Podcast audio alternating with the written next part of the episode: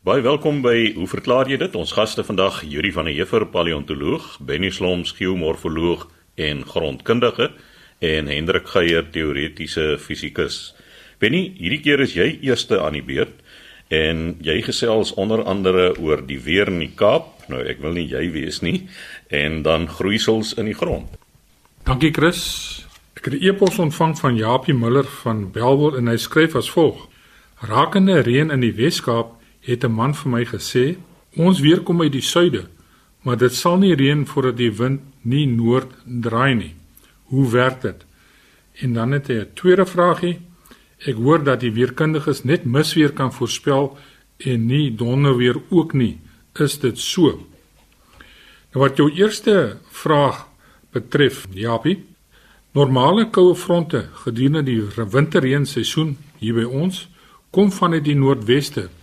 En soms gaan hierdie verskynsel, die fronte, vooraf deur noordoostelike winde. Ons noem dit bergwinde. Dis landafwaartse vloei en dis gewoonlik warm lug. En dan swaai daardie noordooste landafvloei swaai noordwes en dan kom die koue fronte in hier na die Kaap. Nou dit is noordwes want van daardie fronte as dit groot is kan reën gee tot teen die Oranje rivier. So die hele Weskus kan partykeer van daardie front reën kry. Maar reën kan ook vanuit die suidweste kom en reën aan die Kaap bring soos dit wel relatief onlangs die geval was hierso by ons in die Kaap. Maar gewoonlik word net die Skiereiland en so 'n stukkie van die Weskus word getref en dan beweeg daardie front hier teen ons ooskus op en dan kry die Runs, die Suid-Kaap kry dan ook reën. By 'n normale sterk noordwestelike front gebeur dit baie dat die Suid-Kaap nie reën kry nie. Die ou mense het altyd gesê die front moet omswaai en hulle moet tipies so suidoostelike wind kry voordat hulle uit daardie selfde stelsel kan reën kry. So, ek dink wat jou vriend bedoel het is dat voordat daar 'n normale front aankom, kry ons hierdie verskynsel van bergwinde, hierdie warm winde en hy waai gewoonlik voor 'n sterk front wat aankom.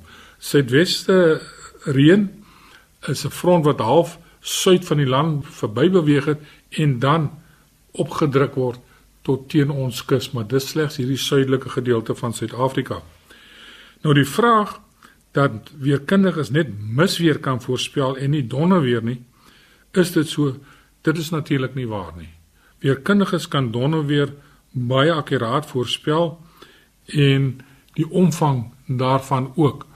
Misweer word ook redelik akkuraat voorspel en dit is 'n verskynsel wat hier by ons voorkom gewoonlik hier in die laat herfs, Mei maand is die misweer tyd hier by ons en wat my betref het kundiges geen probleem om hierdie twee verskynsels akkuraat te voorspel nie.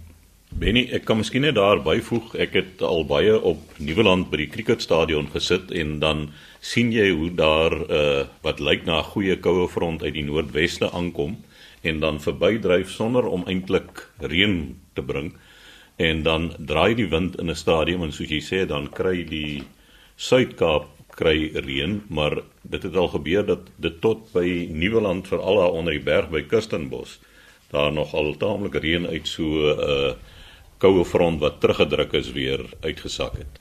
Nee Chris, dit is so, maar dan moet jy ook onthou dat Nieuweland is 'n baie besonderse plek. Daar hoef nie eens wolke in die lug te wees nie, daar reën dit daar. So, dit is een van die gebiede hier in die Weskaap wat die hoogste reënval het. En as daar 'n bietjie wolke teen daardie bergreeks vasdruk, dan gee jy vir ons presipitasie. Jy's heeltemal reg. Daar kan jy ook, soos die ou mense gesê het, uit die suidoos uit reën kry daar op Nieuweland. Ek het dit ook so ervaar. My suster het jare gelede in uh, Nieuweland gewoon waar sy gewerk het. En ons het dit ondervind dat dit in Nieuweland reën in daai omgewing van Dienstraat en hy ry jy met die bus om Sep en toe dan kan jy gaan swem in die son. Presies, Juri. Dit is soos 'n dag gaan in Nieuweland.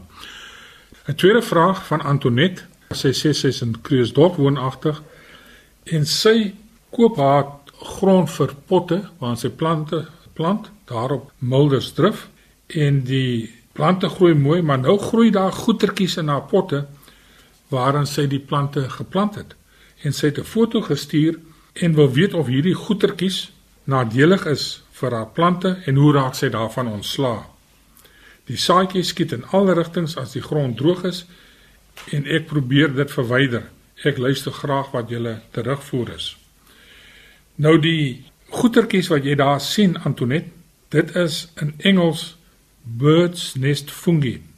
Met dan 'n voelnes fungus wat daar sit en sy wetenskaplike naam is Crucibulus crucibulum en dit is skoolronde houertjies met hierdie fungusspore daar binne-in. Hy is omtrent so 7,5 mm in deursnee en in daardie goetertjies wat soos eiers lyk, daarin is natuurlik die spore van die swam. Nou selfs reendruppels wat op hierdie swamme val of hierdie eiertjies val kan maak dat hy oopgaan en ontplof. Die analoog wat ek hier kan gee is hierdie duiwelsnyf sampioene wat 'n mens kry as jy hom slaan met 'n stok dan is daar so een groot bruin stofwol. Nou om jou vraag te beantwoord Antonet of dit nadelig is? Nee, dit is nie nadelig vir jou plante nie. Die probleem is natuurlik net indien jy grondmateriaal van 'n kwekery kry wat besmet is met hierdie fungus, dan is daai saadjies deur alles versprei. So al plant jy dit oor en jy sien niks aan die begin nie, hulle kom op en hulle groei. Nou vra jy, hoe raak ek daarvan ontslaa? Ag ek dink dit is nodig om daarvan ontslaa te raak nie. Ek dink jy 'n swamdoder gaan help as die spore klaar gevorm is nie. Jy sê die spore daarmee doodmaak nie. Jy sê jy trek die kleiner plantjies uit wat daar opkom of andersins kan jy maar die oppervlakte toemaak rondom die boompie of wat jy ook al daar geplant het, maar uh, ek sal dit los. Al wat ek sal doen, ek sal volgende keer by 'n ander kwekery my uh, materiaal gaan koop wat nie besmet is met hierdie swam nie. Maar verder is hy onskadelik en as daar van daardie spore op jou tafeloppervlak of teen die ruitte beland, kan jy dit baie maklik afvee. Dis nie so 'n groot probleem nie. So sê Benny Sloms, geomorfoloog en grondkundige. Yuri, jy het so 'n tydjie gelede nou al vrae gekry oor klippe met gate in. En sedertdien het jy nou so baie reaksie gekry oor klippe dat jy nou kan begin klip gooi, lyk like dit my. Nee Chris, ek sal nie begin klip gooi nie, maar ek hoop ons kan die saak vandag nou afsluit. Hier het 'n brief gekom van John Mulder van Plettenberg Bay en hy verwys juis na die gesprek oor klippe en hy noem dan dat daar in die Engelse kanaal opgrawings gedoen word en dat sulke klippe daar gekry is. Sy afleiding is dat dit amper 'n universele verskynsel gewees het van die klippe dat dit oor die kontinente versprei was en dan sy eintlike vraag is Hoe is die gate in die klippe gemaak? Want dit is gewoonlik redelik harde klip en omdat dit duidelik 'n tydsame proses gewees het, hoekom het die sanmense soveel moeite gedoen en dan laastens het sanmense hierdie graafstokke vir 'n spesifieke doel gebruik? Byvoorbeeld 'n doel wat verskil van die werk wat hulle met handwerktuie gedoen het. Nou ja, John, dankie vir jou navraag. Dit is inderdaad so dat daar in die gebied tussen Engeland en die kus van Nederland en uh, Duitsland opgrawings gedoen word en daar word ook opgrawings gedoen rondom die eiland White. Nou dit is die W I G H T White en nie die Engelse wit nie. Die gebied in die Noordsee of liewer die suidelike deel van die Noordsee waar hierdie aktiwiteite plaasvind, staan bekend as die Doggerbank. Nou dit is 'n bekende visvangplek vir vissers van die Noordsee en die woord dogger dink ek is afgelei van soort visvangboot wat die Nederlanders in die 1700s gebruik het. En in 1931 het van hierdie vissers met hulle nette artefakte van die seebodem af opgeskraap. Dit is duidelik van die soort nette wat hulle oor die seebodem sleep en natuurlik baie van die seelewe vernietig. Wat gekry is is 'n uh, skedel van 'n uh, mammoet. Ja, is oorblyfsels van 'n leeu gekry. Ander diere se oorblyfsels is ook gekry, as ook prehistoriese gereedskap en uiteindelik 'n stuk van 'n mens skedel wat duidelik wys dat op 'n gegeewe tyd het mense daar gebly. Die plante tipies van die omgewing is die van 'n toendra soos die diere ook wys en die geologiese analise wys dat daar vroeër 'n uh, landverbinding tussen Engeland en Europa gewees het waar mense gebly het en hierso van 9000 jaar en korter as gevolg van stygende seevlak wat verskillende redes gehad het dat ons nou nie oor hoef in te gaan nie is hierdie hele stuk toendra verswelg en Engeland is toe 'n uh, eiland op sy eie. In 1990 is daar besluit maar hierdie spesifieke area kan nou Doggerland genoem word. En so by so word hierdie omgewing met groot moeite moet ek sê onder die water geanaliseer. Nou rondom die eiland White is daar ook 'n vindplek wat ondersoek word en nou moet ek vir jou sê John, alles wat ek kon opdiep oor hierdie argeologiese opgrawings en die artefakte en oorblyfsels wat hulle gekry het, sluit nie klippe met gate in nie. Maar dis 'n baie interessante stelling wat jy gemaak het. So as jy nader inligting hieroor het of miskien 'n foto van dit wat gekry is, sal dit waardeer word as jy dit kan aanstuur. Nou die res van jou vraag is hoe is die gate in hierdie klippe gemaak? Daar's 'n goeie relaas daaroor in die boek van Hilary en Janet Deacon. Hilary was die destydse professor in argeologie die departement wat die universiteit toe goed gedink het om te sluit. Daarin is 'n goeie illustrasie van sulke klippe as ook 'n foto van 'n sanddame wat hierdie klip gebruik. Nou, hoe hulle dit gedoen het is om ander skerppuntige kleiner klippe te gebruik om die gat mee te boor. Dit is gewoonlik van beide kante af gedoen en dit is hoekom die gat aan weerskante breër is en op sy nouste in die middel en dan is dit deur verskillende maniere met ander klippe, fyner klippe te skuur, is dit dan glad gemaak en gepoets. Nou Dr DR Kannemeyer van Burgersdorp baie jare gelede het van hierdie insidente aangeteken En vir die luisteraars wat miskien belangstel in paleontologie sal weet dat hierdie selfde dokter Kannermeyer ook fossiele versamel het van kroodiere en die bekende groot plantetende soogdieragtige reptiel van die Karoo, Kannemeyeria is na hom vernoem. Nou deur dus ander klippe te gebruik, skerppuntige klippe te gebruik, is die gate in hierdie klippe gemaak. En dit was moeisaam geweest. Dit kan ons aanvaar. En jy wil dan weet is hierdie graafstokke vir 'n ander doel gebruik. Nou die gewone gebruik daarvan was om die stok deur die klip te steek redelik naby aan sy voorpunt en dit dan met 'n riem of iets anderser te bevestig of 'n wig in te slaan sodat die stok nou gewig het. En as jy vra hoekom hulle nie hulle klipwerktuie kon gebruik het hiervoor nie, moet jy onthou dat die sanmense ook vanggate gemaak het. Die bekende amptenaar hier in die Kaap destyds eh, Gordon vertel juis in sy verhale van hoe hy in so 'n san vanggat geval het, maar dit daarom oorleef het. So om gate te grawe wat groot genoeg is dat 'n redelike groot dier daarin kan val en binne-in bly, het 'n mens iets nodig wat redelik lank is en wat jy redelik diep mee kan grawe en daarvoor is 'n graafstok 'n beter implement bloot as 'n klipwerktuig. Nou dit is ook nie die enigste gebruik vir hierdie implement nie want uh, professor Deacon haal aan dat dit ook gebruik is om die neste van reismure mee oop te maak. Die sanmense het nogal graag die larwes van reismure geëet en in sommige van die geskrifte staan dit bekend as boesmanreis. En om dit uit te kry, is so 'n termietnes gebreek en die stukke is dan rondom die kern gepak, kern wat uitgehaal is en wat die reismure dan doen is dan dra hulle al die larwes in terug na die kern toe. En die gevolg is jy hoef niks te versamel nie, jy vat dan net daai groot kern en jy skud die larwes uit om dan hierdie voedsame happie te kry.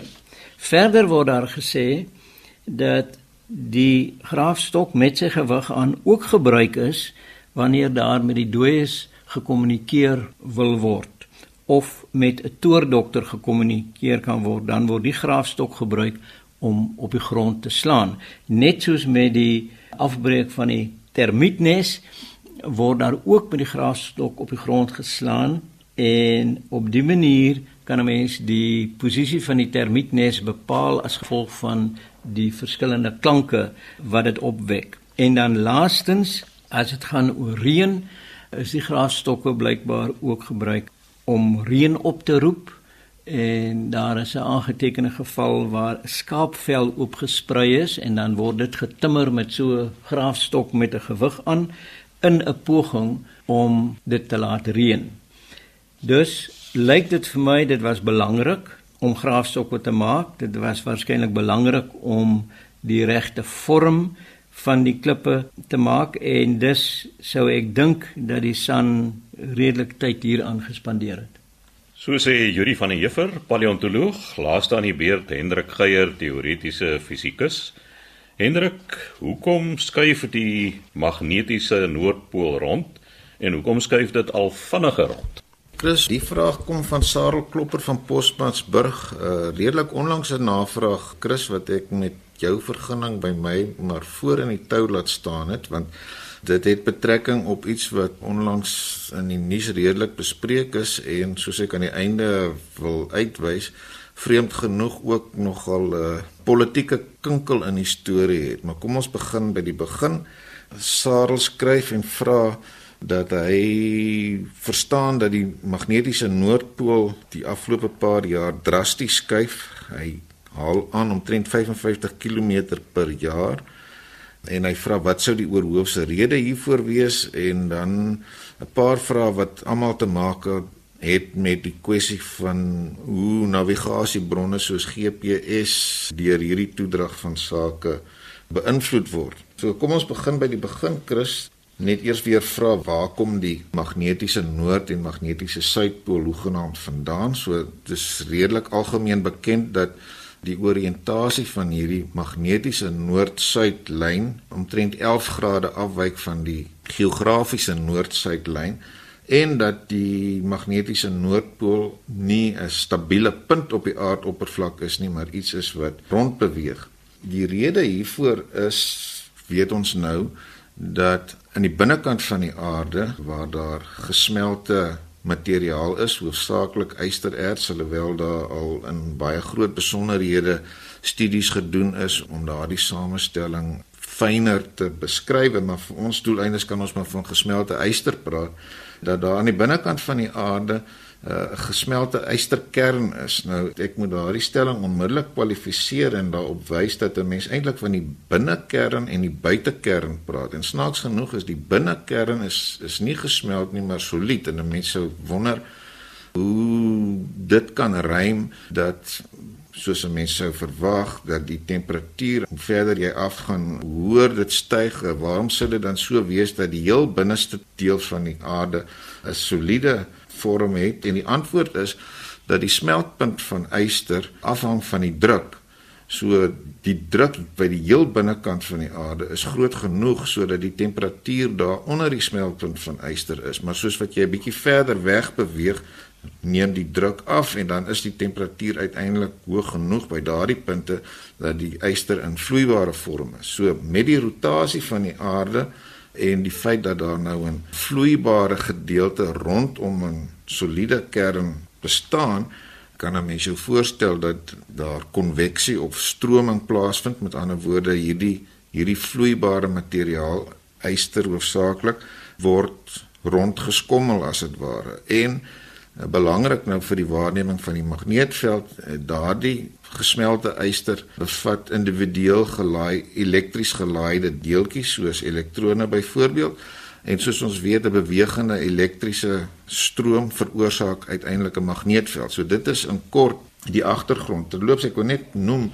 interessant dat die feit dat die heel binnekant van die kern in 'n vaste stofvorm voorkom is iets wat eers so onlangs soos 1936 ontdek is deur 'n Duitse seismoloog met die naam van Inge Lehmann wat seismogramme van aardskuddings uh, in Nieu-Seeland fyn bestudeer het en toe tot die slotsom gekom het dat die patrone wat sy waarneem uh, net verklaar kan word as 'n mens aanneem dat die heel binnekant van die aarde nie ook gesmeld is nie. En daar was sedertdien nou al baie meer sorgvuldige waarnemings wat dit so bevestig het. Nou, 'n mens kan jou voorstel dat daar genoeg variasie in hierdie vloei is sodat die patroon van die magneetveld wat gevorm word nie noodwendig stabiel is nie. Alhoewel selfs 'n variasie van omtrent 50 km per jaar is nie so noemenswaardig nie maar nietemin met die soort van akkuraatheid wat 'n mens deesdae van navigasie verwag speel dit tog 'n rol. So die toedrag van sake is dat daar 'n sogenaamde wêreldmagnetiese model geskep is. Dit is 'n samewerking tussen die Verenigde State se nasionale geografiese datasentrum en die Britse geologiese opname en dit het 'n historiese aanloop wat ook sy wortels het in samewerking oor hierdie soort goed wat dateer na die wêreldoorlog toe. Maar nietemin, dit is die instansie wat 'n model ontwerp het wat 'n wiskundige beskrywing van hierdie vloei tot stand gebring het waarvoor daar 'n klomp parameters nodig is om nou die akkuraatheid van die beskrywing te kan bewerkstellig en daardie parameters word eenvoudig deur meting bewerkstellig. So jy het 'n wiskundige model wat jy net kan gebruik as jy weet wat die waardes is van 'n hele klomp parameters, die word gemeet En tot op hede was dit so dat daardie model elke 5 jaar hersien is en hierdie inligting word dan wyd bekend gemaak. Dit word deur die Amerikaanse Departement van Verdediging en soortgelyke instansies gebruik en ek verstaan dat hierdie model ook vooraf geprogrammeer word deesdae in GPS tipe toestelle insluitende selfone wat van die bekende operasionele stelsels gebruik maak soos kan seker maar sê Android byvoorbeeld en hierdie goed word opgedateer. Nou die politieke kinkel in hierdie kabel is en dit kom nou terug na Sarel se waarneming of ten minste kennisname daarvan dat die tempo waarteen hierdie noordpool geskuif het die afgelope paar jaar toegeneem het soveel so dat hierdie wêreldmagnetiese model die mense wat daarmee werk in die vooruitsig gestel het om dit 1 jaar vroeër as die beplande 2020 op te dateer en die datum waarop hulle hierdie inligting sou publiseer of bekend maak was 15 Januarie verjaar gewees. Maar soos ons nou waarskynlik almal weet, is die Amerikaanse regeringsstrukture deesdae nie heeltemal so funksioneel soos wat hulle kan wees nie, die sogenaamde government shutdown wat deur politieke oorwegings van hulle president bewerkstellig is. So die datum waarop hierdie inligting nou weer wêreldwyd gepubliseer sal word vir allerlei opdateringsprosesse insluitende die wat nou soos ons gesê het direk van die model gebruik maak. Dit is nou uitgestel tot 30 Januarie en ek kon nie agterkom of dit nou nog in die vooruitsig is nie. Ons sal maar die pers moet dophou om te sien wat aangaan. Maar soos ons nou hier praat, is dit duidelik dat die akkuraatheid nie so groot is soos wat dit veronderstel is om te wees nie. So as enige iemand se GPS stelsel hom nou ergens in die steek laat, dan dink ek weet ons wie om te blameer kus. Ek dink ek wil afsluit deur 'n laaste vraag van Sarel aan die orde te stel want hy is in die mynbedryf daar in Posmansburg en hy sê hy is verstom oor die miljoene tonne materiaal wat jaarliks deur myne reg oor die aarde rondgeskuif word as ystererts byvoorbeeld. En nou wonder hy tot watter mate die rondskuif van hierdie magnetiese materiaal in die wat hy noem die mynbou revolusie sedert die 1900s of dit enige effek sou hê Saarlik dink ek kan maar gerus wees die orde grootte waarvan jy nou praat vergeleke met die orde grootte van wat sirkuleer daar aan die binnekant van die aarde is nie naasien by vergelykbaar nie. En in elk geval praat ons hier van magnetiese materiaal wat nie op 'n geordende manier enige invloed op die magneetveld sou kon hê nie. Daar mag miskien uh, lokaal, weet jy, jy sal weet as 'n mens met 'n gewone kompas loop oor ertsdraande omgewings dan word dit tog tot 'n mate beïnvloed maar dit is nie dis nie 'n groot invloed nie. So die grootste invloed op die bestaan van die van die aarde se magneetveld is inderdaad die beweging of die vloei van die gesmelte yster naby die kern. Terloops Chris 'n laaste klein opmerking, dit is interessant om te weet dat wat dikwels na verwys word as die prentjie wat 'n mens kan vorm van die aarde se magneetveld as ekwivalent aan 'n staafmagneet alhoewel ons natuurlik nou weet dat daar nie so 'n staafmagneet in die middel van die aarde sit nie. Maar die oriëntasie daarvan is dat die suidelike pool eintlik die een is wat na die magnetiese noordpool verwys. Maar ek het 'n idee die feit dat die geografiese noordpool al gevestig geraak het het diegene wat destyds by die benoeming van hierdie konvensie betrokke was laat besluit dat dit te veel verwarring sou veroorsaak as jy die suidelike magnetiese pool naby die geografiese noordpool sou plaas. So die name is nou maar net die geografiese noordpool of liewers die magnetiese noordpool is in die omgewing van die geografiese noordpool. Hy sit nie by hom nie en hy sit ook nie stil nie.